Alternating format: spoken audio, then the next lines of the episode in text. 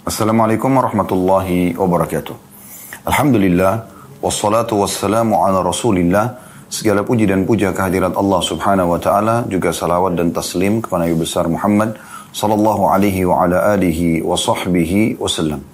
Saudara seiman, semoga seluruh amal-amal soleh yang pernah kita kerjakan, yang sedang kita kerjakan, juga yang akan kita kerjakan, sampai menjelang ajal datang nanti diterima dengan pahala yang sempurna, dan semoga semua dosa-dosa yang pernah kita kerjakan, besar ataupun kecil, sengaja tidak sengaja, samar ataupun nyata, semuanya dimaafkan oleh Allah subhanahu wa ta'ala. Dan semoga Allah subhanahu wa ta'ala juga menyatukan kita semua di surga firdausnya tanpa hisab. Allahumma amin. Dan tidak pernah lupa kita doakan juga negara kita akan menjadi negara yang aman, tentram, damai, dan semoga Allah selalu memberikan petunjuk dan hidayahnya kepada para pemimpin agar berlaku adil dan menjalankan tugas-tugas mereka dengan baik dan semoga Allah membalas sebaik-baik balasan bagi para orang-orang yang telah melakukan kebaikan bagi seluruh penduduk Indonesia, bagi negara dan juga bagi agama. Serta juga semoga Allah menjadikan kita masyarakat yang selalu patuh dan mendukung dengan doa-doa yang positif agar semua uh, program berjalan dengan baik. Allahumma amin. Teman-teman sekalian kita melanjutkan seperti biasa di Rabu siang hari pukul 13.00 waktu, waktu Indonesia Barat buku bedah buku kita Riyadus Salihin tulisan Imam Nawawi rahimahullah. Dan pada siang ini kita akan masuk ke ke bab 71 tentang bab tawadhu merendah diri kepada orang-orang mukmin. Dalil pertama yang diangkat oleh Imam Nawawi rahimahullah adalah firman Allah Subhanahu wa taala dalam surah Asy-Syu'ara ayat 215 yang bunyinya Waqfid janahaka liman ittaba'aka minal mu'minin Waqfid janahaka liman ittaba'aka minal mu'minin. Dan rendahkanlah dirimu terhadap orang-orang yang beriman yang mengikutimu. Baik teman-teman sekalian seperti biasa, setiap kali kita membahas sebuah bab baru, kami akan lebih dalam dulu memberikan penjelasan tentang masalah bab itu. Tawaduk teman-teman sekalian adalah e, bahasa Arab yang terjemahan bahasa Indonesia adalah merendah diri karena Allah subhanahu wa ta'ala. Jadi bukan menghinakan diri ya, tapi merendah. Artinya tidak uh, menjadikan kelebihan yang sedang Allah Subhanahu wa taala berikan kepada kita, apakah itu kelebihan fisik, paras wajah, intinya tubuh ciptaan kita di fisik. Kemudian juga kelebihan mungkin materi, ya, harta, kelebihan kedudukan, ya. kemudian ya, jenjang pendidikan, titel dan seterusnya bukan dijadikan sebagai ajang untuk sombong, tetapi justru makin membuat orang itu seperti padi. Makin berisi, maka makin menunduk. Artinya dia tidak jadikan sebagai ajang untuk sombong. Malah dia makin uh, mendekatkan diri kepada Allah subhanahu wa ta'ala. Makin dia uh, membantu orang-orang lain. Dia menyebarluaskan uh, pengetahuan dan ilmu yang dia miliki. Sehingga bermanfaat. Nah ini namanya tawadu. Pernah ditanya, Imam Hasan Basri rahimahullah pada saat ulama-ulama kota Basra ketemu pada saat itu kota Basra salah satu kota di Irak tentunya dan dikenal Imam Hasan Basri adalah imam kota Basra bahkan imam muslimin pada saat itu atau ulama besar pemimpin para ulama. Di masa itu mereka ada pertemuan khusus. Para ulama mereka berkumpul lalu mereka membahas masalah-masalah yang mereka anggap penting yang akhirnya bisa memberikan jawaban kepada umat pada saat umat bertanya dan kadang-kadang mereka membahas definisi yang mungkin definisi itu bagi sebagian orang-orang awam tidak penting. Mohon maaf. Tapi bagi para ulama penting. Dibahaslah pada saat itu tentang definisi tawadhu. Apa itu tawadhu? Hampir semua kalangan ulama yang hadir memberikan definisi yang mereka fahami. Tawadhu itu ini, tawadhu itu. Sampai akhirnya terakhir datang ke giliran Hasan Basri rahimahullah. Mereka mengatakan Sesungguhnya kami semua sudah menyampaikan pendapat kami. Tinggal anda. Bagaimana pendapat anda tentang tawadhu? Maka kata Hasan Basri rahimahullah, kalian sudah memberikan definisi yang cukup banyak. Tapi kalau kalian ingin mendengarkan dari aku, jangan kalian melihat seorang muslim pun di hadapan kalian, kecuali kalian menanamkan dalam diri kalian kalau dia lebih baik daripada kamu. Atau daripada dirimu. Ini sebuah uh, definisi yang sederhana dan langsung ya masuk ke poin bahasannya. Maksudnya tawadu adalah di saat kita melihat siapa pun di depan kita jangan pernah dianggap remeh. Jangan hanya karena misalnya paras wajahnya, postur tubuhnya, warna kulitnya atau apa saja. dari diri orang tersebut kita anggap ya atau kita jatuhkan dia atau kita menghina dia tapi kita menganggap dia lebih baik daripada kita kalau orang itu lebih tua kita bisa menanamkan dalam diri kita dia lebih tua lebih banyak amal solehnya kalau dia lebih muda kita mengatakan bahwasanya dia lebih muda lebih sedikit dosanya. Sehingga kita selalu berada di sifat tawadhu'i. Nah ini gambaran tentang judul kita. Dan ini bagian daripada akhlak yang mulia dalam Islam. Bagaimana seseorang Makin tinggi titel akademiknya, makin melimpah hartanya, makin sempurna fisiknya, makin-makin kelebihan yang cukup banyak, makin membuat dia merendah, makin membuat dia berbagi kepada orang lain, makin membuat dia berbaur dengan manusia, bersabar dengan gangguan-gangguan mereka. Nah ini namanya tawalu. Ya. Dan ayat pertama tadi yang diangkat oleh Imam Nawawi rahimahullah adalah bagaimana perintah Allah Subhanahu wa taala kepada nabinya Muhammad sallallahu alaihi wasallam. Beliau sempurna secara fisik, paras wajah, ya, sempurna. Lebih tampan daripada Nabi Yusuf alaihissalam. Ya, badannya kekar, kuat. Allah taala berikan setiap nabi-nabi kekuatan 10 orang laki-laki. Beliau pemberani, punya sifat-sifat yang mulia. Ya. Di kancah peperangan beliau terlibat. Memotivasi muslimin Bahkan beliau terlibat dalam peperangan tersebut. Kemudian juga beliau seorang nabi, bahkan pemimpin anak Adam.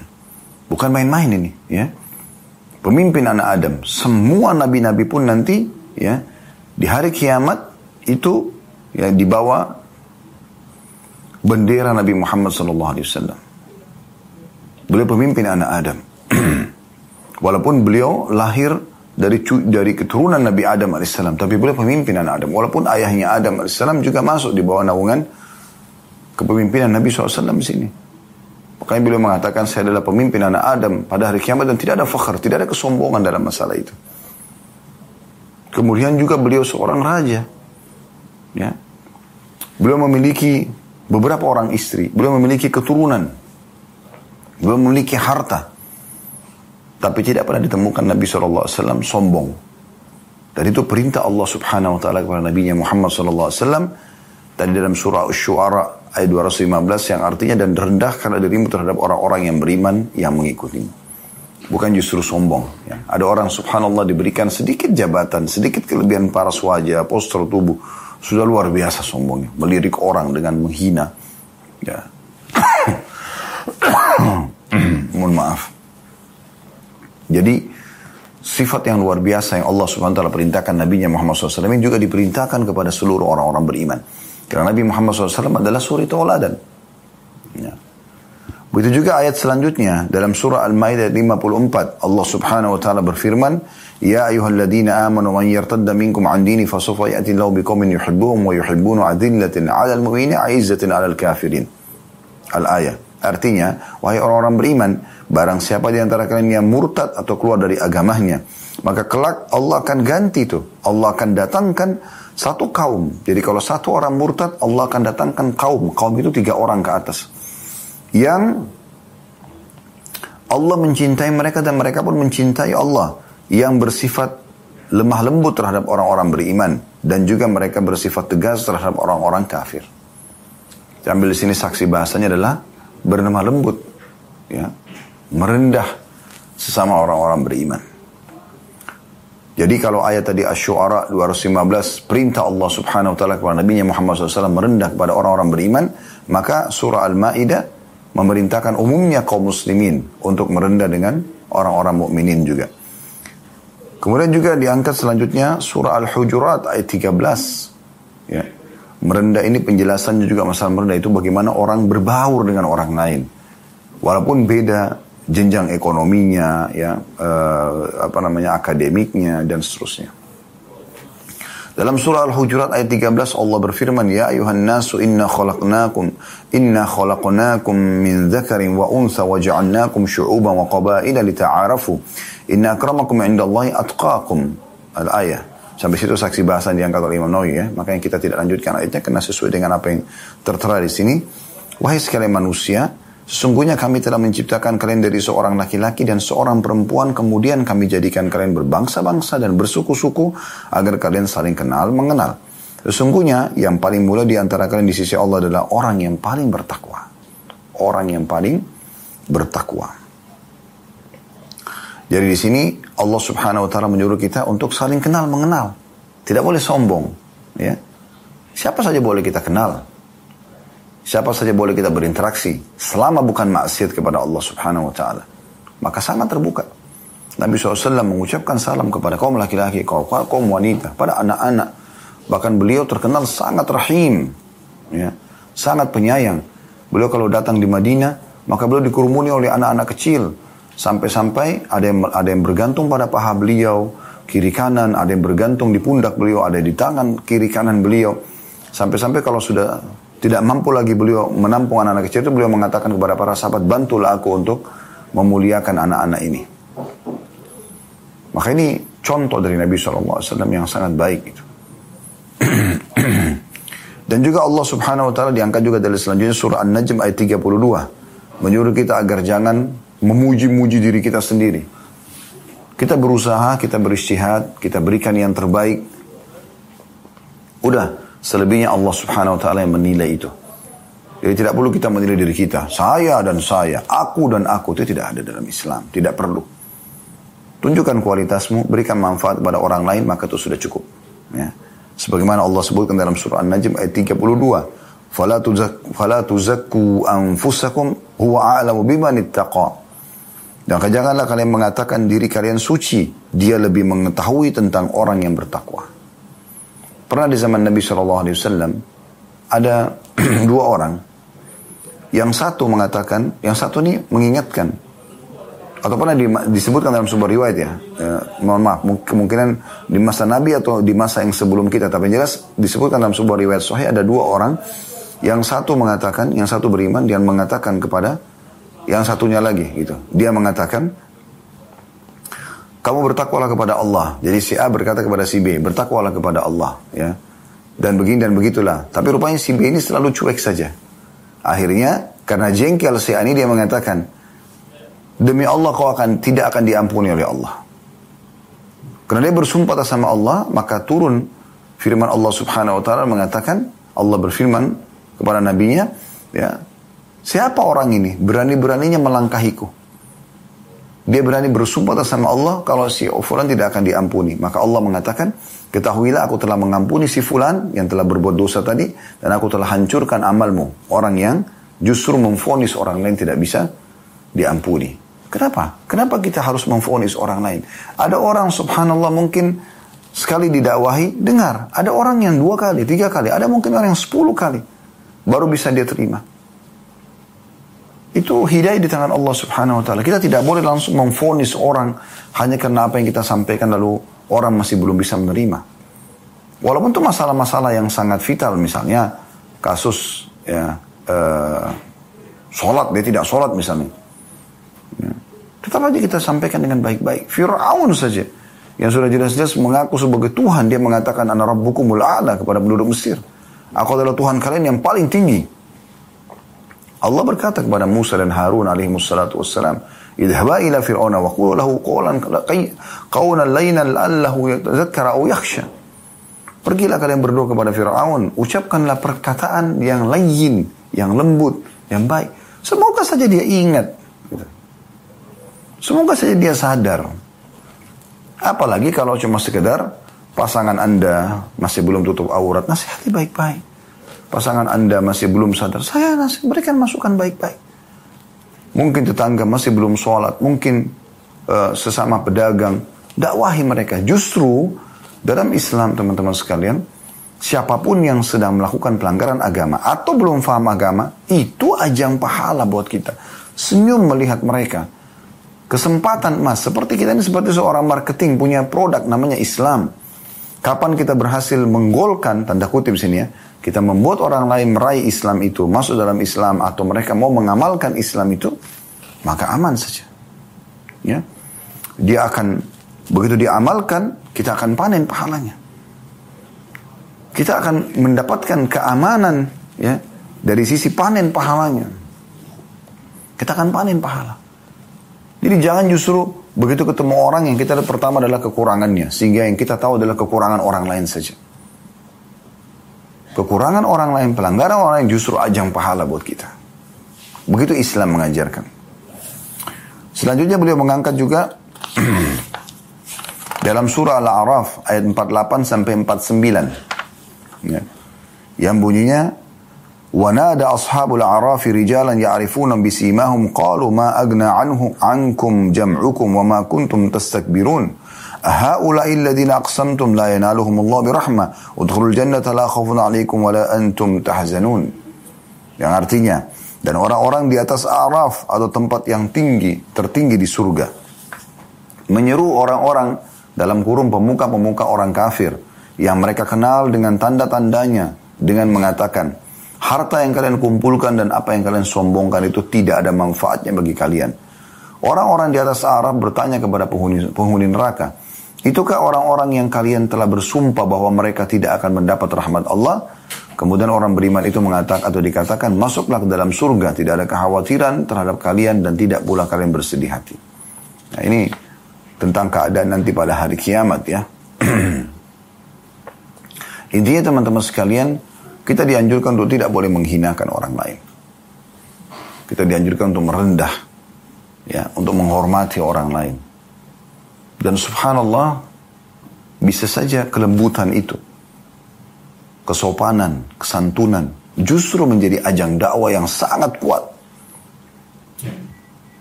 Allah SWT mengatakan kepada Nabi Muhammad SAW, Walau kunta faddan ghalidhal qalbi lam faddu min hawlik. Wahai Muhammad, kalau kau itu orangnya keras, keras hati, keras kata-katamu, hilang kesopanan, kesantunan, maka mereka akan semua pergi dari sisimu. Sebaliknya, Allah SWT mengingatkan tentang Nabi Muhammad SAW, wa inna kala ala khulukin azim. Sesungguhnya kau memiliki akhlak yang sangat mulia. Justru itu kata kuncinya. Dengan merendah, dengan santun, dengan sopan.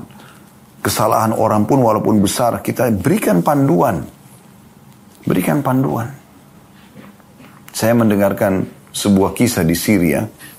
Pernah terjadi ada beberapa orang dai masuk ke dalam sebuah diskotik. Saya tidak mengatakan ini adalah sebuah hal yang positif ya. Tapi ini istihad yang dilakukan oleh orang itu. Tapi saya ingin mengambil sebuah pelajaran dan tidak dari ujung akhir kisahnya. Mereka tiga orang, anak-anak muda mengatakan, coba kita pamit kepada pemilik diskotik ini untuk dimatikan dulu musiknya. Di dalamnya banyak muslimin. Kita mau dakwah, kemudian kita keluar. Mereka sepakat, mereka izin dan diizinkan. Subhanallah, kuasa Allah. Lalu mulailah tiga orang ini mendatangi setiap orang di situ menasihati mereka dengan baik. Salah satunya ada satu orang badannya besar, lagi mabuk. Begitu didekati oleh salah satu dai ini, dia pecahin botol khamernya, minuman kerasnya.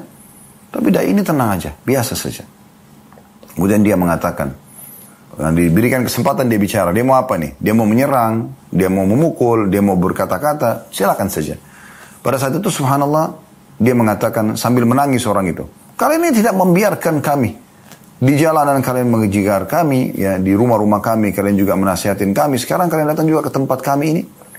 Maka dah ini dengan sederhana mengatakan, wahai saudaraku, apa yang sedang kau pegang ini, khamar, juga pernah diminum oleh para sahabat Nabi. Mereka juga pernah minum, tapi mungkin berbeda jenis saja.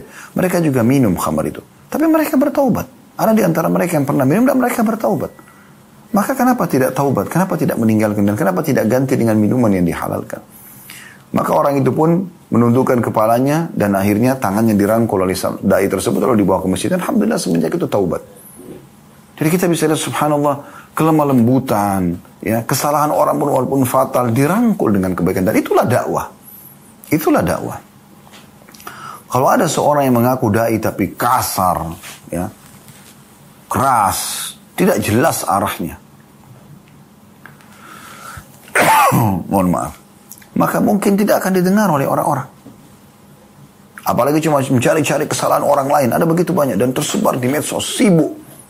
Menyerang dai ini, menyerang bapak itu, menyerang ibu ini, menyerang keluarga itu, menyerang pemimpin negara. Tidak jelas. Akhi, akhi, saudaraku. Islam ini adalah agama yang mulia. Sampaikan dia. Sampaikan dengan baik. Walaupun orang itu pelanggar. Ahli maksiat, justru di situlah dakwah disampaikan. Kalau semua orang sudah baik, lalu kita mau panen pahala dari mana? Itu kesempatan. Makanya Allah SWT mengatakan tadi, walau kunta faddan ghalidhal qalbi lam faddu min hawlik. Wahai Muhammad, kalau kau keras hatimu, keras lisanmu, sikapmu tidak santun, maka mereka semua akan pergi darimu. Maka penuhlah kasih sayang. Ya. Penuhlah kedewasaan dan kebijaksanaan dalam menyampaikan dakwah ini. Baik, kita masuk teman-teman sekalian ke hadis-hadis yang disampaikan oleh Imam Nawawi rahimahullah. Hadis pertama, hadis nomor 607. Dari awal kita belajar berbunyi dari Iyad bin Himar. Radiyallahu anhu dia mengatakan, Rasulullah SAW bersabda, Inna Allah awha ilayya an tawada'u hatta la yafkhara ahadun ala ahad, wa la yabghi ahadun ala ahad. Riwayat Muslim. Terjemahannya, sungguhnya Allah mewahyukan kepadaku. Secara khusus, Allah memerintahkan sebagai pencipta langit dan bumi ini kepada kita semua, hendaklah kalian saling bersikap tawadu, merendah, Hingga tidak ada orang yang bersikap sombong terhadap orang lain dan tidak ada orang yang berbuat zalim kepada orang lain. Jadi ternyata kata kunci supaya tidak ada kezaliman, tidak ada kejahatan, tidak ada kriminal justru tawadu. Saling merendah. Dari hadis ini kita ambil pelajaran. Yang pertama kedudukan tawadu itu sendiri. Sampai Allah subhanahu wa ta'ala mewahyukan secara khusus kepada Nabi Muhammad sallallahu alaihi wasallam. Kemudian, yang kedua, Tawadhu akan menghilangkan sifat sombong. Dan sombong dimurkahi oleh Allah. Sampai kata Nabi SAW, tidak akan masuk surga orang yang dalam hatinya ada seperti biji sawi dari kesombongan. Al-khulul jannah taman kana fi qalbi mithqala dzarratin min kibir. Ya. Maka hilang sifat sombong. Allah murka dengan sifat sombong. Manusia juga tidak suka dengan orang sombong. Gak nyaman bermuamalah dengan orang sombong. Tapi kalau orang merendah, apalagi kita tahu ternyata titelnya orang ini tinggi. Ternyata dia kaya, ternyata dia tampan atau cantik. Ternyata dia dari keluarga yang terhormat. Tapi dia santun, dia sopan. Kita jadi tertarik untuk bermuamalah sama dia ya. Tidak membuat jabatannya, hartanya dan segala macam membuat dia akhirnya ya sombong. Ini faedah yang kedua. Artinya tawadu akan menghilangkan sifat sombong. Yang ketiga, tawadu akan menghilangkan sifat zalim. Zalim artinya tidak memberikan hak orang lain atau mengambil hak orang lain. Ada hak orang lain kita tidak berikan, kita zalim. Atau ada hak orang lain yang kita ambil, zalim. Tidak boleh. Dalam sebuah hadis kudsi, Allah SWT berfirman melalui Nabi Muhammad SAW, Ya ibadi inni haramtu dhulma ala nafsi faja'altu muharraman bainakum fala tadharam, fala. Wahai hamba-hambaku, Aku telah haramkan kezaliman atas diriku sendiri, kata Allah. Sang Raja yang Maha Esa, yang Maha Kuasa Allah subhanahu wa ta'ala, pencipta dan pengurus langit dan bumi ini, pencipta kita semuanya mengatakan itu. Baik hamba-hambaku semuanya, aku telah haramkan kezaliman atas diriku, maka aku jadikan juga haram di antara kalian, maka jangan kalian saling menzalimi. Jangan ambil yang bukan hak kita. Jangan masuk di wilayah yang bukan wilayah kita. Dan tawadu akan mendatangkan itu. Karena kita merendah, kita tidak mau ambil haknya orang lain. Nah, ini faedah dari hadis yang luar biasa. Ya. Kemudian hadis selanjutnya, hadis nomor 608 dari Abu Hurairah radhiyallahu anhu bahwa Rasulullah sallallahu alaihi wasallam bersabda, "Ma naqasat sadaqatun min mal wa ma zada Allah 'abdan bi afwin illa 'izza wa ma tawada ahadun lillahi illa rafa'ahu Allah." Hadis ini riwayat Muslim. Sedekah itu tidak mengurangi harta. Allah tidak akan menambah kepada seorang hamba karena pemberian maafnya melainkan kemuliaan dan tidak ada orang yang bertawadu karena Allah kecuali Allah pasti akan mengangkat derajatnya subhanallah hadis pendek tapi ada tiga pesan penting faedah pertama dari hadis adalah potongan sabda Nabi SAW ma naqasat sadaqatun min mal tidak akan pernah berkurang harta seorang hamba karena sedekah ini sering kami ingatkan dan kami ulangi lagi. Prinsip dasar dalam Islam, sedekah tidak akan mengurangi harta. Orang-orang kapitalis berpikir beda sekali sama kita. Mereka berpikir mengeluarkan duit berarti berkurang. Islam tidak. Mengeluarkan duit akan mendatangkan rezeki lagi. Dan bahasa langsungnya kata Nabi SAW sini, ma naqasat sadaqatun mimmal sedekah tidak akan mengurangi harta. Walaupun secara kuantitas berkurang. Misal, Anda punya uang satu juta. Anda sedekahkan 500 ribu. Hitung-hitungan manusia, berarti sisa 500 ribu uangnya. Tapi hitungan di sisi Allah tidak seperti itu. Itu tidak menguranginya sama sekali. Karena 500 ribu itu sedang Anda investasikan untuk Anda bawa ke akhirat sana. Sebagaimana perkataan Fudal ibn Iyad rahimahullah. Mohon maaf. Saya masih batuk jadi ini alami. Subhanallah. Semoga Allah sembuhkan. Uh, kata Fudal ibn Iyad rahimahullah pada saat dia membagi-bagikan hadiahnya kepada orang-orang. Beliau senyum lebar lalu beliau mengatakan, lihatlah orang-orang ini membawa amal-amal soleh kami ketimbangan amal kami tanpa upah sedikit pun. Secara zahir, mereka ambil baju itu, makanan itu, uang itu, mobil itu, kendaraan itu diambil sama dia.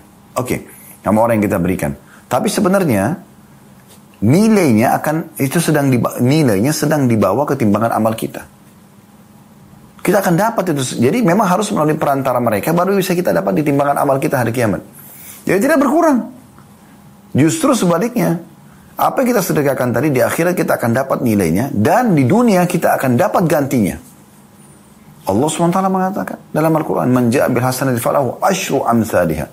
Siapa yang melakukan satu kebaikan, Allah akan lipat gandakan balasannya menjadi sepuluh kali lipat. Allah akan berikan balasannya. Tidak mungkin orang sedekah Allah tidak ganti. Mustahil. Itu yang disebutkan dalam hadis Bukhari.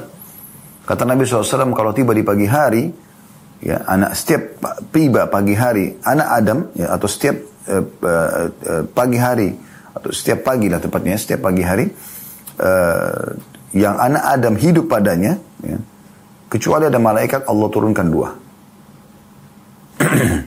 yang satu mengatakan ya Allah lapangkan rezeki orang yang bersedekah sedekah akan didapatkan dua malaikat itu lapang rezeki dan yang satu mengatakan ya Allah binasakan hancurkan orang yang bakhil.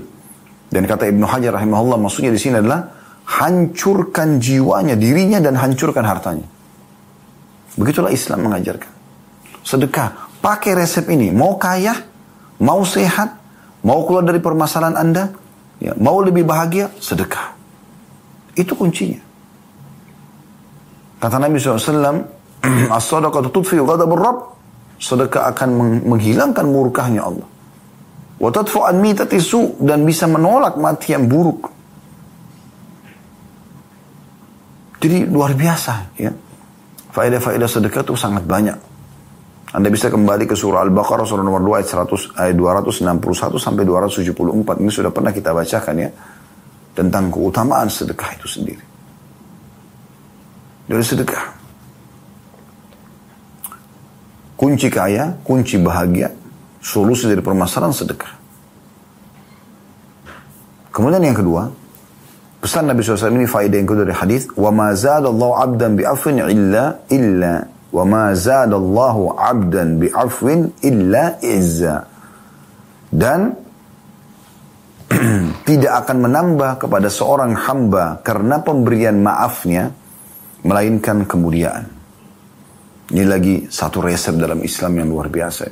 Gak ada anda temukan di komunitas mana pun kecuali muslimin ini.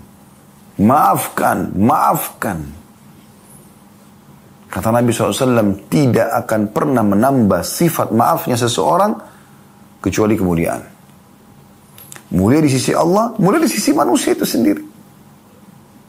Dan aman dari uh, dendam, aman dari uh, dengki, aman dari gengsi, aman semua.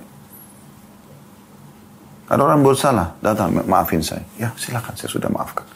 Raih pahala Allah, raih juga hatinya orang itu. Semua orang buat salah, gitu kan? Semua orang buat salah. Tidak ada masalah. Jangan bilang, oh tapi kan saya sudah pernah disakiti. Ya, tidak usah, tidak penting itu. Itu kan pembersihan. Semua yang pernah terjadi dalam hidup kita, saudaraku seiman, akan menjadi pembersihan dosa kita. Apa masalahnya? Maafkan. Diridhoi Allah, diridhoi juga oleh manusia. Dan yang ketiga ini saksi bahasan kita. Faedah yang kita dari hadis ini saksi bahasan. Wa ma tawadha ahadun lillahi illa rafa'ullah. Dan tidak ada orang yang bertawadu karena Allah kecuali Allah akan mengangkat derajatnya. Jadi subhanallah, makin kita merendah makin diangkat derajat. Mau tinggi derajatnya di dunia? Ya. Baik di jabatannya, ya, di tempat kerjanya, di keluarganya. Mau mulia, Allah tinggikan derajatnya. Di akhirat juga tinggi derajatnya, merendah. Jangan sombong. Jangan selalu sibuk itu. Banggakan titelnya, banggakan hartanya, banggakan fisiknya. Kan nyaman itu kita kalau berteman sama orang tampan, cantik, tapi santun, ramah, nyaman kan? Lisannya santun. Daripada orang yang cantik gagah tapi lisannya tajam. Orang hanya datang untuk masalah tertentu selesai habis itu orang pergi. Lalu untuk apa teman-teman sekalian? Nyombongkan diri untuk apa?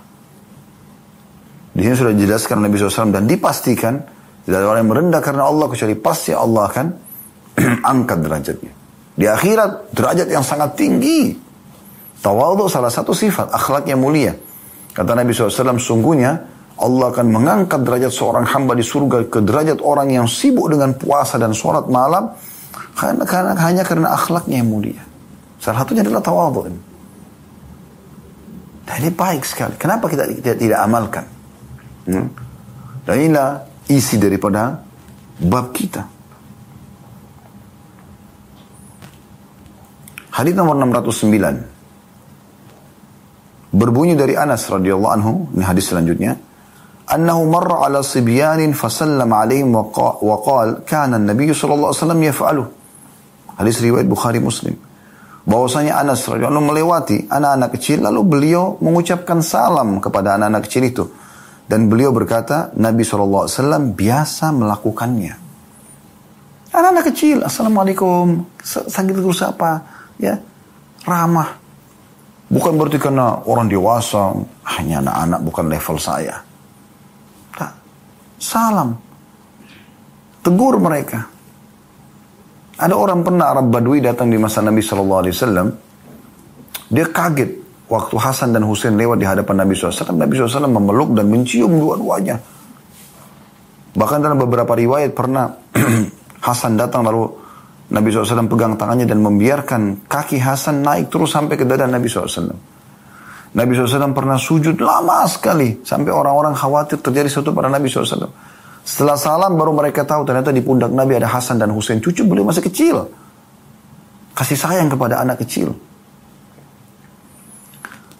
Riwayat tadi yang pertama, Nabi SAW pernah lewat Hasan Husain lalu beliau memeluk dan menciumnya.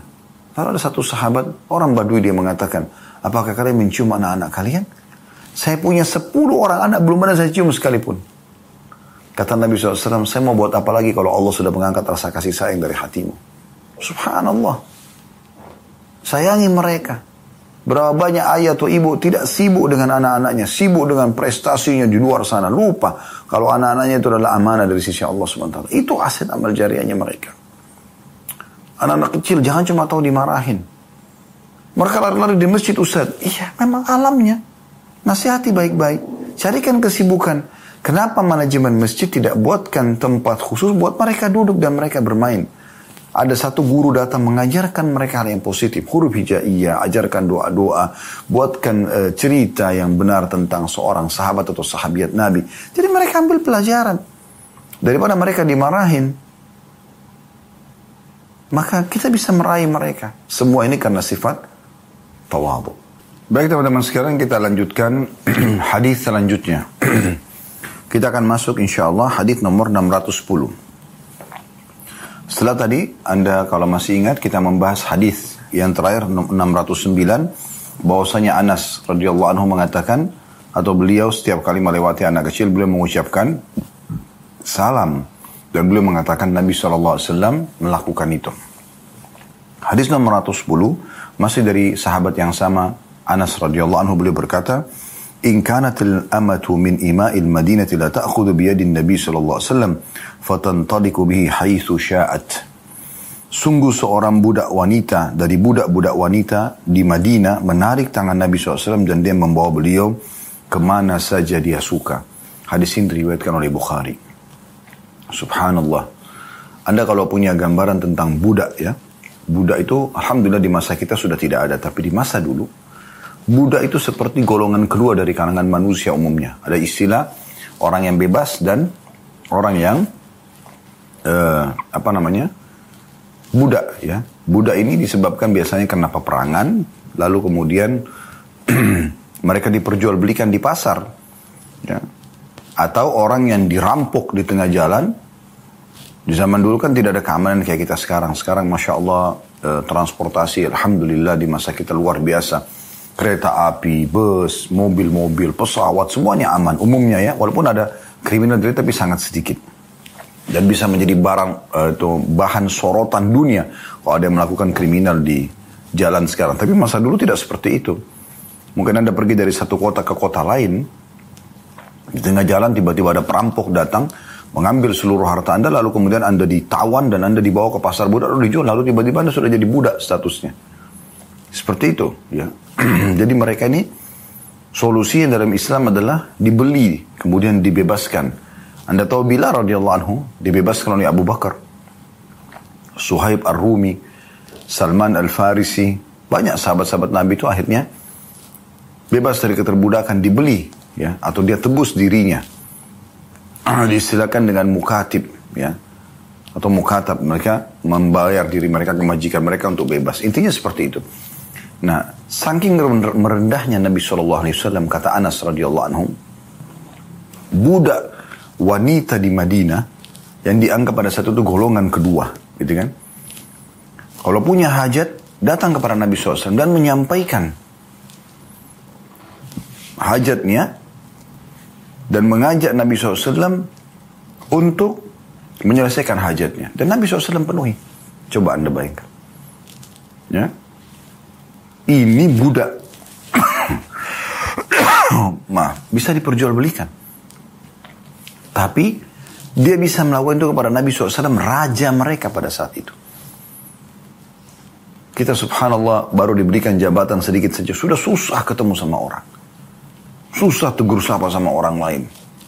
Security-nya begitu banyak. Dan seterusnya. Bukanlah tidak boleh mengamankan diri Anda. Tentu bisa. Tapi ada orang terlalu berlebihan. Sampai-sampai tidak pernah ketemu interaksi dengan kerabatnya pun tidak pernah. Ya. Ketemu sama muslimin pun tidak. Kenapa ini? Apa yang membuat Anda seperti ini? Tidak ada kecuali kesombongan. Ya. Kita tidak bicara kalau seandainya ada orang terancam, mungkin dia akan dibunuh oleh orang lain dan segala macam, sehingga dia menjaga keamanan dirinya, mungkin itu berbeda. Tapi secara umum ada orang subhanallah tidak mungkin bertemu dengan dia. Eksklusif sendiri. Penuh dengan kesombongan. Maka ini luar biasa nih. Ya. Jauh sekali dari akhlak Islam kalau dia seorang muslim. Udah non muslim itu kita tidak bahas. Karena kita sedang bahas tentang masalah materi agama kita. Agama Islam. Dari hadis ini kita ambil pelajaran bagaimana tawaduknya Nabi Shallallahu Alaihi Wasallam. Sampai seorang budak wanita pun di Madinah bisa mengajak Nabi SAW untuk memecahkan perkaranya. Sampai disebutkan dalam sebuah riwayat yang lain, bahwasanya ada seorang budak wanita pernah mengeluhkan majikannya kepada Nabi SAW dan Nabi ikut ke majikannya untuk memecahkan permasalahan yang sedang terjadi di antara mereka. Ini pelajaran luar biasa dari hadis tawaduknya Nabi SAW. Dan pelajaran yang kedua adalah bagaimana muslimin harus menjadikan Nabi SAW sebagai suri tauladan dan merendah satu sama yang lain. Hadis selanjutnya 611 dari Aswad bin Yazid radhiyallahu anhu beliau berkata Su'ilat Aisyah radhiyallahu anha ma kana an-nabiy sallallahu alaihi wasallam yasna'u fi baitihi qalat kana yakunu fi mihnati ahlihi يعني خدمة أهله فإذا حضرت الصلاة خرج إلى الصلاة Aisyah radhiyallahu anha ditanya tentang apa yang dilakukan oleh Nabi SAW di rumahnya. Aisyah berkata radhiyallahu anha, beliau itu melakukan pekerjaan keluarganya. Maksudnya, membantu istrinya. Dan apabila telah masuk waktu sholat, beliau segera keluar menuju sholat. Apa maknanya hadis ini? Faidah pertama dari hadis langsung saja kita masuk. Tawaduknya Nabi SAW. Bukan berarti karena beliau seorang nabi, seorang suami, seorang raja, Kemudian sama sekali tidak membantu pekerjaan keluarganya. Kalau ada yang bisa dibantu, bantu saja. Apa yang salah gitu? Walaupun laki-laki umumnya memang harusnya dilayani, ya begitu. Tapi mungkin ada waktu-waktu tertentu di saat memang istrinya tidak memungkinkan menyelesaikan sendiri, maka dia ikut terlibat. Kalau mungkin di masa kita sekarang, dia meringankan urusan istrinya. Dengan menyiapkan misalnya pembantu rumah tangga, itu termasuk jenis bantuan dia. Karena itu harus butuh bayar, dibayar pembantu tersebut, disiapkan tempat misalnya di rumah. Atau mungkin, mohon maaf. Atau mungkin dia memenuhi kebutuhan sehingga istrinya tidak butuh lagi ya untuk banyak mengeluarkan uh, energi dan waktu di luar rumah. Sehingga di rumah semuanya ada. Kenyamanan, ketentraman, kebutuhan makanan, minuman, pakaian, semuanya ada. Ini butuh keterlibatan seorang suami pada istrinya. Atau mungkin dia siapkan keamanan berada di sebuah tempat, tinggal yang aman, di komplek perumahan misalnya, ada security, ada untuk keamanan, supaya keluarganya tidak terganggu misalnya. Baik dia sedang keluar bertugas cari nafkah di kota di kotanya ataupun dia keluar negeri misalnya. Makanya semua bentuk ya kewajiban bagi suami dan keterlibatan dengan istrinya.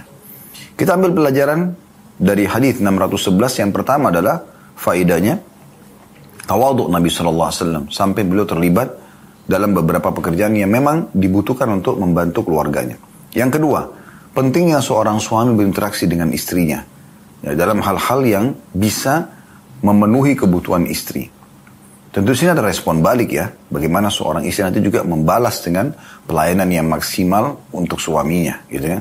Pada saat sudah disiapkan tempat tinggal yang nyaman, kenda, ke, transportasi, baik itu dia sewa, baik itu disiapkan biaya untuk bisa dia menggunakan kalau kayak kita sekarang mungkin transportasi umum atau taksi atau apa saja. Atau memang disiapkan kendaraan misalnya. Keterlibatan ini penting sehingga terpenuhilah kebutuhan sang istri. Dan itu semua dikerjakan karena Allah subhanahu wa ta'ala.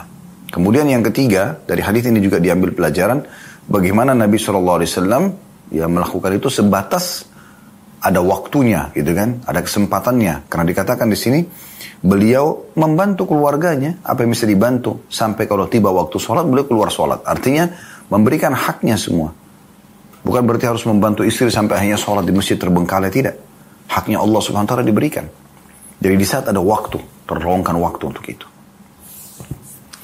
Hadis selanjutnya hadis 612 dan kita coba insya Allah selesaikan uh, hadis ini ya sampai 616 ya 612 dari Abu Rifa'ah Tamim bin Usaid radhiyallahu anhu beliau berkata, "Intahaitu ila Rasulillah sallallahu alaihi wasallam huwa yaktubu faqultu ya Rasulullah, rajulun gharibun ja'a yas'alu an dinihi, la yadri ma dinuhu." فأقبل علي رسول الله صلى الله عليه وسلم وترك خطبته حتى انتهى إلي فأوتي بكرسي فقعد عليه وجعل يعلمني مما علمه الله ثم آتى خطبته فأتم آخرها Hadis ini riwayat Muslim. Kata Abu Rifa'ah Tamim bin Usaid radhiyallahu anhu, saya tiba di hadapan Rasulullah SAW kemudian beliau sedang berkhutbah. Maka saya katakan wahai Rasulullah, seorang laki-laki asing telah datang untuk bertanya tentang agamanya. Dia tidak tahu apa agamanya. Maka Rasulullah SAW menghadap kepadaku dan meninggalkan khutbah beliau hingga beliau sampai kepadaku. Lalu beliau diberi kursi Kemudian beliau duduk dan mulailah beliau mengajariku dari apa yang diajarkan oleh Allah kepada beliau. Kemudian beliau meneruskan khutbah beliau dan menyelesaikannya. Subhanallah, ini sebuah kejadian yang luar biasa ini. Bagaimana Nabi SAW menjadi suri tauladan yang sangat baik, terutama bagi para da'i, bagi para ayah, bagi para pemimpin. Mohon maaf. Nabi SAW lagi khutbah. Allahu alam yang kami ketahui sini bukan khutbah Jumat tapi lagi menyampaikan ya ceramah beliau. Tapi di saat lagi beliau ceramah ada tiba-tiba orang mengatakan, "Ya Rasulullah," tepatnya sahabat ini Abu Rifa'ah. Abu Rifa'ah Tamim bin Usaid radhiyallahu anhu beliau mengatakan, "Ya Rasulullah, saya seorang yang asing datang dari tempat yang jauh ingin bertanya agama saya." Seakan-akan dia mengatakan, "Tolong luangin waktu buat saya." Tanpa berpikir panjang lebar, Nabi SAW menuju ke sahabat ini, memberhentikan sementara ceramah beliau, kemudian beliau duduk di atas kursi lalu menjelaskan agama Allah kepada orang tersebut. Setelah selesai, beliau kembali melanjutkan ceramahnya atau khutbahnya. Ini pelajaran yang luar biasa gitu. Berapa banyak orang tua, anaknya nanya, nggak dipedulikan. Anak ini nanya, kenapa ini ayah, kenapa ini ibu, apa yang dimaksud ini, apa yang, ah sudah terlalu banyak nanya, ah gini dan begitu. Lalu subhanallah kalau dia bukan bertanya sama kita, sama siapa dia akan bertanya. Nanti kalau dia sudah bertanya kepada orang yang salah, kemudian dididikkan, diberikan pendidikan yang salah, lalu kemudian anda baru menyesal pada saat itu, kenapa bukan anda yang luangkan waktu? Peduli terhadap anak-anak kita. Peduli terhadap orang-orang di sekitar kita. Peduli kepada orang-orang yang masih jauh dari agama. Jangan dimusuhi mereka. Mereka bukan dimusuhi, mereka mad'u. Orang yang harus didakwahi. Disampaikan pada mereka tentang agama yang mulia ini. Dari hadis ini kita ambil pelajaran bagaimana sifat tawaduknya Nabi Shallallahu Alaihi Wasallam. Luar biasa beliau merendah. Kemudian yang kedua, pentingnya menjawab kebutuhan belajar agama orang lain. Dan ini harus menjadi skala prioritas. Ya. Siapa bertanya tentang agama, jawab selama Anda punya ilmunya. Luangkan waktu untuk itu. Jadikan dia sebagai ajang pahala kita. Kemudian yang ketiga, bolehnya memberhentikan ceramah untuk menyelesaikan satu hajat, kemudian melanjutkan ceramah tersebut. Tapi tentu di sini bukan khutbah Jumat karena khutbah Jumat itu biasanya berlanjut ya. Ini adalah ceramah atau khutbah secara umum.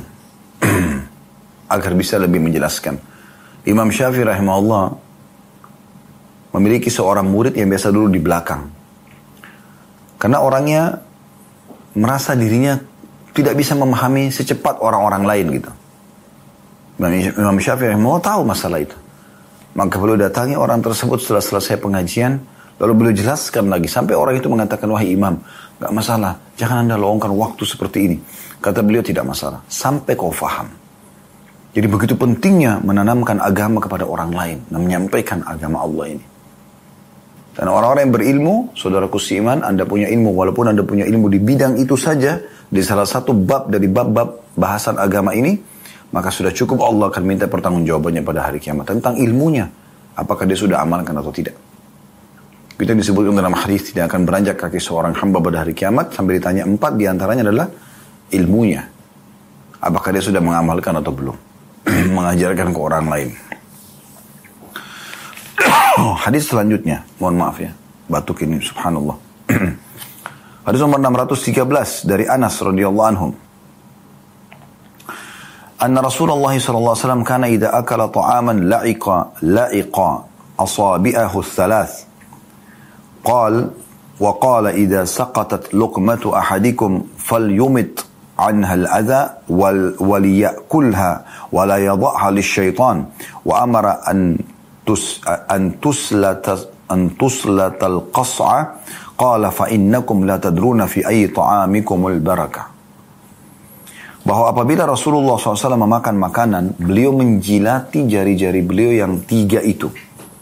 Ada penjelasan footnote nomor 493 di bawah. Tiga jari adalah ibu jari, telunjuk, dan jari tengah. Ini yang beliau pakai makan. ya Ambil makan dengan tiga jari ini.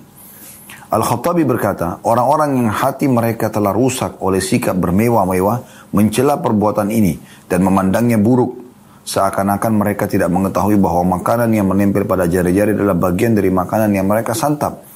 Lalu mereka, sebagian darinya Lalu mengapa sebagian darinya dianggap jorok?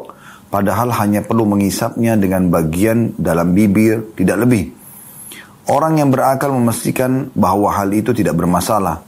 Seseorang mungkin memasukkan jarinya ke dalam mulutnya dan menggosoknya dan seseorang pun memandangnya jorok. Maksudnya adalah e, sikap Nabi SAW menjilati jari beliau selepas makan. Sisa-sisa makanan yang ada di jari-jari itu. Anas berkata, Nabi SAW bersabda, apabila satu suapan salah seorang di antara kalian terjatuh, maka hendaklah dia membuang bagian yang kotor dan memakan sisanya. Dan jangan membiarkan sedikit pun untuk syaitan. Dan beliau memerintahkan agar nampan juga dijilati atau dibersihkan. Beliau bersabda, Karena sungguhnya kalian tidak mengetahui di bagian mana dari makanan karena itu mengandung keberkahan. Hadis ini diriwayatkan oleh Muslim. Imam An-Nawawi rahimahullah masukkan hadis ini dalam bab tawadhu, bab ke-71 ini. Karena memang beliau melihat ini adalah bagian daripada tawadhu. Ya, tidak mubazir dengan makanan. Penyampaian Anas radhiyallahu anhu tentang bagaimana sikap Nabi Shallallahu alaihi wasallam kalau beliau selepas makan dengan menggunakan tiga jari beliau, ibu jari, jari telunjuk dan jari tengah, beliau menjilatinya, ya, supaya tidak mubazir sisa makanan itu. Jadi itu bukan aib sebagaimana Khattabi tadi bahasakan. Ada orang sebagian orang menganggap ini, oh, jorok nih, masa tangannya harus dijilati. Padahal sebenarnya Al-Khattabi mengatakan tidak ada bedanya antara makanan di jari telunjuk, dia, dia di jari yang dia pakai makan, dengan yang dia pegang di nampan itu sendiri. Mungkin kalau orang sekarang pakai sendok juga, yang ada sisa di sendoknya di, dijilati, dimakan. Itu juga bagian daripada rezeki Allah subhanahu wa ta'ala. Ya. Dan Nabi SAW memastikan, kalau makanan itu jatuh, jangan pernah biarkan sedikit pun buat syaitan. Selama dia bukan cairan, makanan kering, mungkin jatuh di keramik, masih bersih. Kenapa harus dibuang? Apalagi di rumah anda sendiri. Oh itu kotor, itu jorok. Subhanallah, dari mana kotor dan joroknya? Gitu. Nabi SAW mengingatkan itu. Karena syaitan bisa saja menggoda orang untuk membuang-buang makanan supaya dia mengambil makanan tersebut. Makanya Nabi bilang jangan biarkan sedikit pun buat syaitan. Dan Nabi SAW juga menganjurkan agar membersihkan piring. Kalau makan, ambil sesuai dengan porsi yang kita perkirakan akan habis. Dan makan sampai habis. Jangan biarkan sedikit pun untuk syaitan. Ini gambaran globalnya hadis. Kita ambil pelajaran. Pelajaran pertama, dari hadis sunnah Nabi SAW makan dengan tangan. Kemudian juga masuk dalam sunnah Nabi SAW adalah menjilati tangan yang bekas, yang ada bekas makanan padanya. Dan Nabi SAW menggunakan tiga jari ini. Jari ibu jari, telunjuk, dan jari tengah. Ya, tiga. Jadi tidak semuanya dipakai, tapi tiga jari saja. Orang juga bisa kalau pakai sendokan dengan tiga jari itu, ya, bisa dipakai. Pelajaran yang kedua dari hadis, ya, anjuran agar makanan yang jatuh untuk diambil kembali. Jadi ini sama sekali tidak masuk dalam istilah jorok. Dan ini masuk dalam bab tawadhu oleh Imam Nawawi rahimahullah. Boleh masukkan dalam bab tawadhu. Jadi tidak meng, ya, tidak menghina rezeki Allah Subhanahu wa taala. Diambil kembali, dibersihkan. Yang kotor dihilang. Kalau cairan mungkin sudah tidak memungkinkan itu berbeda. Atau makanan seperti jelly atau makanan yang mungkin melekat padanya banyak kotoran mungkin tidak memungkinkan ya atau agar-agar yang sejenisnya itu mungkin agak sulit itu mungkin tidak masalah. Tapi kalau makanan itu masih bersih kerupuk potongan daging nasi yang tertumpah dari piring yang masih bisa diambil dan ber, diber, dibersihkan apalagi lantainya bersih ya ada masalah ya. maka ini sebaiknya jangan dibiarkan. Jadi anjuran untuk mengambil makanan ya yang jatuh dan tidak boleh membiarkannya buat syaitan. Ini menandakan syaitan juga mengambil makanan anak Adam ya dan pelajaran yang terakhir adalah juga termasuk dianjurkan agar membersihkan wadah yang digunakan untuk makan. Membersihkan wadah yang digunakan untuk makan ya. Jadi makanya tadi saya bilang kalau Anda ambil makanan, Anda ambil secukupnya. Jangan berlebih-lebihan. Tiga hadis yang tersisa, hadis nomor 614 dari Abu Hurairah radhiyallahu anhu dari Nabi SAW beliau bersabda, "Ma ba'athallahu nabiyyan illa ra'al ganam." Qala ashabu wa ant Faqala na'am kuntu ar'aha ala qararita li ahli Makkah. Hadis ini riwayat Bukhari. Allah tidak mengutus seorang nabi melainkan dia pernah mengembala kambing. Para sahabat bertanya, engkau juga ya Rasulullah? Beliau menjawab, iya. Aku pun mengembalanya dengan upah beberapa keping peser dirham milik penduduk Mekah. Ya, hadis ini sudah pernah kita sebutkan sebenarnya sebelumnya ya. Tapi Imam Nawawi masukkan lagi di sini dalam bab tawadhu karena memang Nabi SAW tidak merasa itu penghinaan dari profesi beliau sebagai pengembala kambing. Dan beliau memastikan semua nabi-nabi pernah mengembala kambing. Dengan hikmah-hikmah tentunya ya. Di antara hikmahnya adalah orang kalau membawa gembalan kambing di padang pasir atau di padang rumput yang luas, dia punya banyak waktu karena kambing biasanya makan cukup lama. Dia punya banyak waktu untuk bertafakur, melihat ciptaan langit ya. Itu uh, hal yang luar biasa karena bertafakur ini adalah salah satu ibadah di sisi Allah Subhanahu wa taala.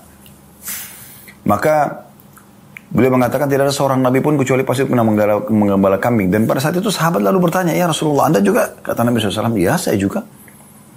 Dan saya pernah mengambil upah beberapa peser dirham dari penduduk Mekah.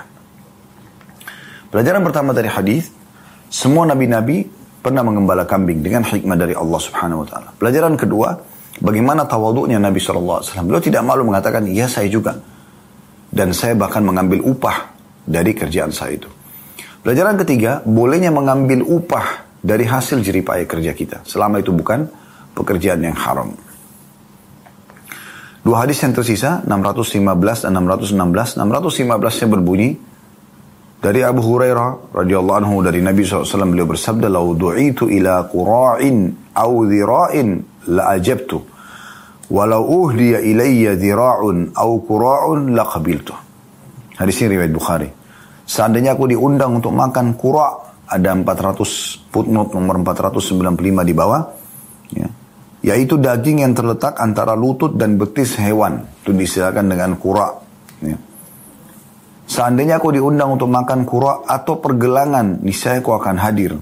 Dan seandainya aku dihadiahi pergelangan atau kura hewan sembelihan, maksudnya tadi daging yang ada di antara dua tulang, paha, eh, lutut dan eh, betis ya. Niscaya aku akan terima. Penyampaian Nabi SAW ini mengandung makna tawadu, yaitu bagaimana Nabi SAW tidak menolak panggilan orang siapa pun. Undangan, ya. Dan istilah digunakan sini, kura atau pergelangan, biasanya ini jarang dihidangkan ya. Jarang dihidangkan. Orang kebanyakan mengambil daerah-daerah daging. Kalau di tulang lutut dan di betis ini biasanya dagingnya dicopotin, kemudian dagingnya dihidangkan. Tapi kalau dengan tulangnya ini jarang sekali. Maknanya apa? Walaupun seperti itu saja, tulang pun dihidangkan, dan aku diundang, aku tetap akan menjawab undangan tersebut. Jadi saking luar biasanya merendahnya beliau, Sallallahu Alaihi Wasallam. Ya, semoga Allah mudahkan kita bisa mengamalkan ini sifat yang luar biasa gitu. Pelajaran pertama dari hadis bagaimana sifat tawaduk Nabi SAW dan belum menjadi suri teladan yang paling tepat dalam masalah ini. Yang kedua, adanya anjuran untuk menjawab undangan kaum muslimin. Makan walaupun itu makan sederhana dalam hal menjawab undangan seorang muslim dan membahagiakan hatinya. Semua juga dalam hadis Nabi SAW dikatakan salah satu hak muslim dalam muslim adalah menjawab undangannya. Juga dalam hadis yang lain kata Nabi SAW termasuk amal yang paling Allah cintai adalah memasukkan kegembiraan dalam hati seorang muslim. Kemudian yang ketiga, bolehnya menghidangkan apa saja yang kita mampu untuk tamu. Istilah eh, perkataan Nabi SAW walaupun aku diundang untuk makan, untuk mencicipi pergelangan tulang, maka tetap aku akan datang. Artinya kalau orang cuma mampu itu dia hidangkan apa yang dia mampu. Ini termasuk bab e, menghormati tamu. Hadis terakhir dalam bab ini 616 dari Anas radhiyallahu anhu beliau berkata, "Kanat naqatu Rasulillah sallallahu alaihi wasallam al-atba'u la tusbaq aw la takadu tusbaq." فجاء عربي على قعود على قعود له فسبقها فشق ذلك على المسلمين حتى عرفه فقال حق على الله ألا يرتفع شيء من الدنيا إلا وضعه hadis ini riwayat Bukhari unta Rasulullah SAW bernama Atba ya. ada putnot nomor 496 di bawah Al-Atba adalah nama unta Nabi SAW dan Al-Ka'ud adalah unta yang sudah biasa dikendarai usia antara 2 sampai 6 tahun. Sesudah yang disebut dengan Al-Jamal. saya ulangi terjemahnya, kita kembali ke atas. Hari itu saya baca putnotnya ya. Unta Rasulullah SAW bernama Ad-Atba. Tidak pernah atau hampir tidak pernah dikalahkan dalam lomba lari. Maka datanglah seorang badui dengan menaiki unta yang masih muda. Ternyata dia bisa mendahuluinya. Dan hal itu cukup memberatkan hati kaum muslimin. Hingga beliau mengetahui hal itu maka beliau bersabda, menjadi kepastian bagi Allah bahwa tidak ada sesuatu pun di dunia naik kecuali dia akan merendahkannya. Maksudnya dari hadis ini bahwasanya Nabi SAW ingin memberikan gambaran kepada muslimin. Walaupun untaku ini unta yang kuat, unta yang tidak pernah terkalahkan dalam berlomba, tapi Allah punya cara untuk mendatangkan sosok yang mengalahkannya. Supaya tidak ada orang yang merasa lebih daripada yang lainnya. Dari hadis ini kita ambil pelajaran bahwasanya ada unta Nabi SAW bernama Al-Atba. Ya, Atba dan ini menandakan Al-Atba ini berarti boleh orang menamakan uh, unta atau kendaraannya atau tunggangannya dengan nama. Nabi SAW memberikan nama itu. Ya. Kemudian yang kedua, mohon maaf, bolehnya memperlombakan hewan di sini unta ya yang dibahas ini unta. Sebagai bentuk keterampilan karena Nabi SAW di sini dikatakan untanya tidak pernah dikala berlomba ya. Kemudian yang ketiga adalah pelajaran tentang masalah tawadu itu. Allah Subhanahu Wa Taala menjadikan kalau ada sesuatu yang ya, di dunia ini mulai naik dan berlebihan ya akhirnya memunculkan sifat kesombongan maka Allah akan merendahkannya ya. dan ini maksudnya adalah unta beliau SAW yang tadinya dianggap tidak pernah kalah maka akhirnya dikalahkan oleh unta seorang badui Allahu a'lam Moga saja bisa kita ambil manfaat dari apa yang kita pelajari dan Allah jadikan sebagai tambahan amal kita pada hari kiamat. Kalau benar pasti dari Allah, kalau salah dari saya mohon dimaafkan. Subhanakallah bihamdika, syadu la ilaha illa anta astaghfiruka wa atubu ilaik. Wassalamualaikum warahmatullahi wabarakatuh.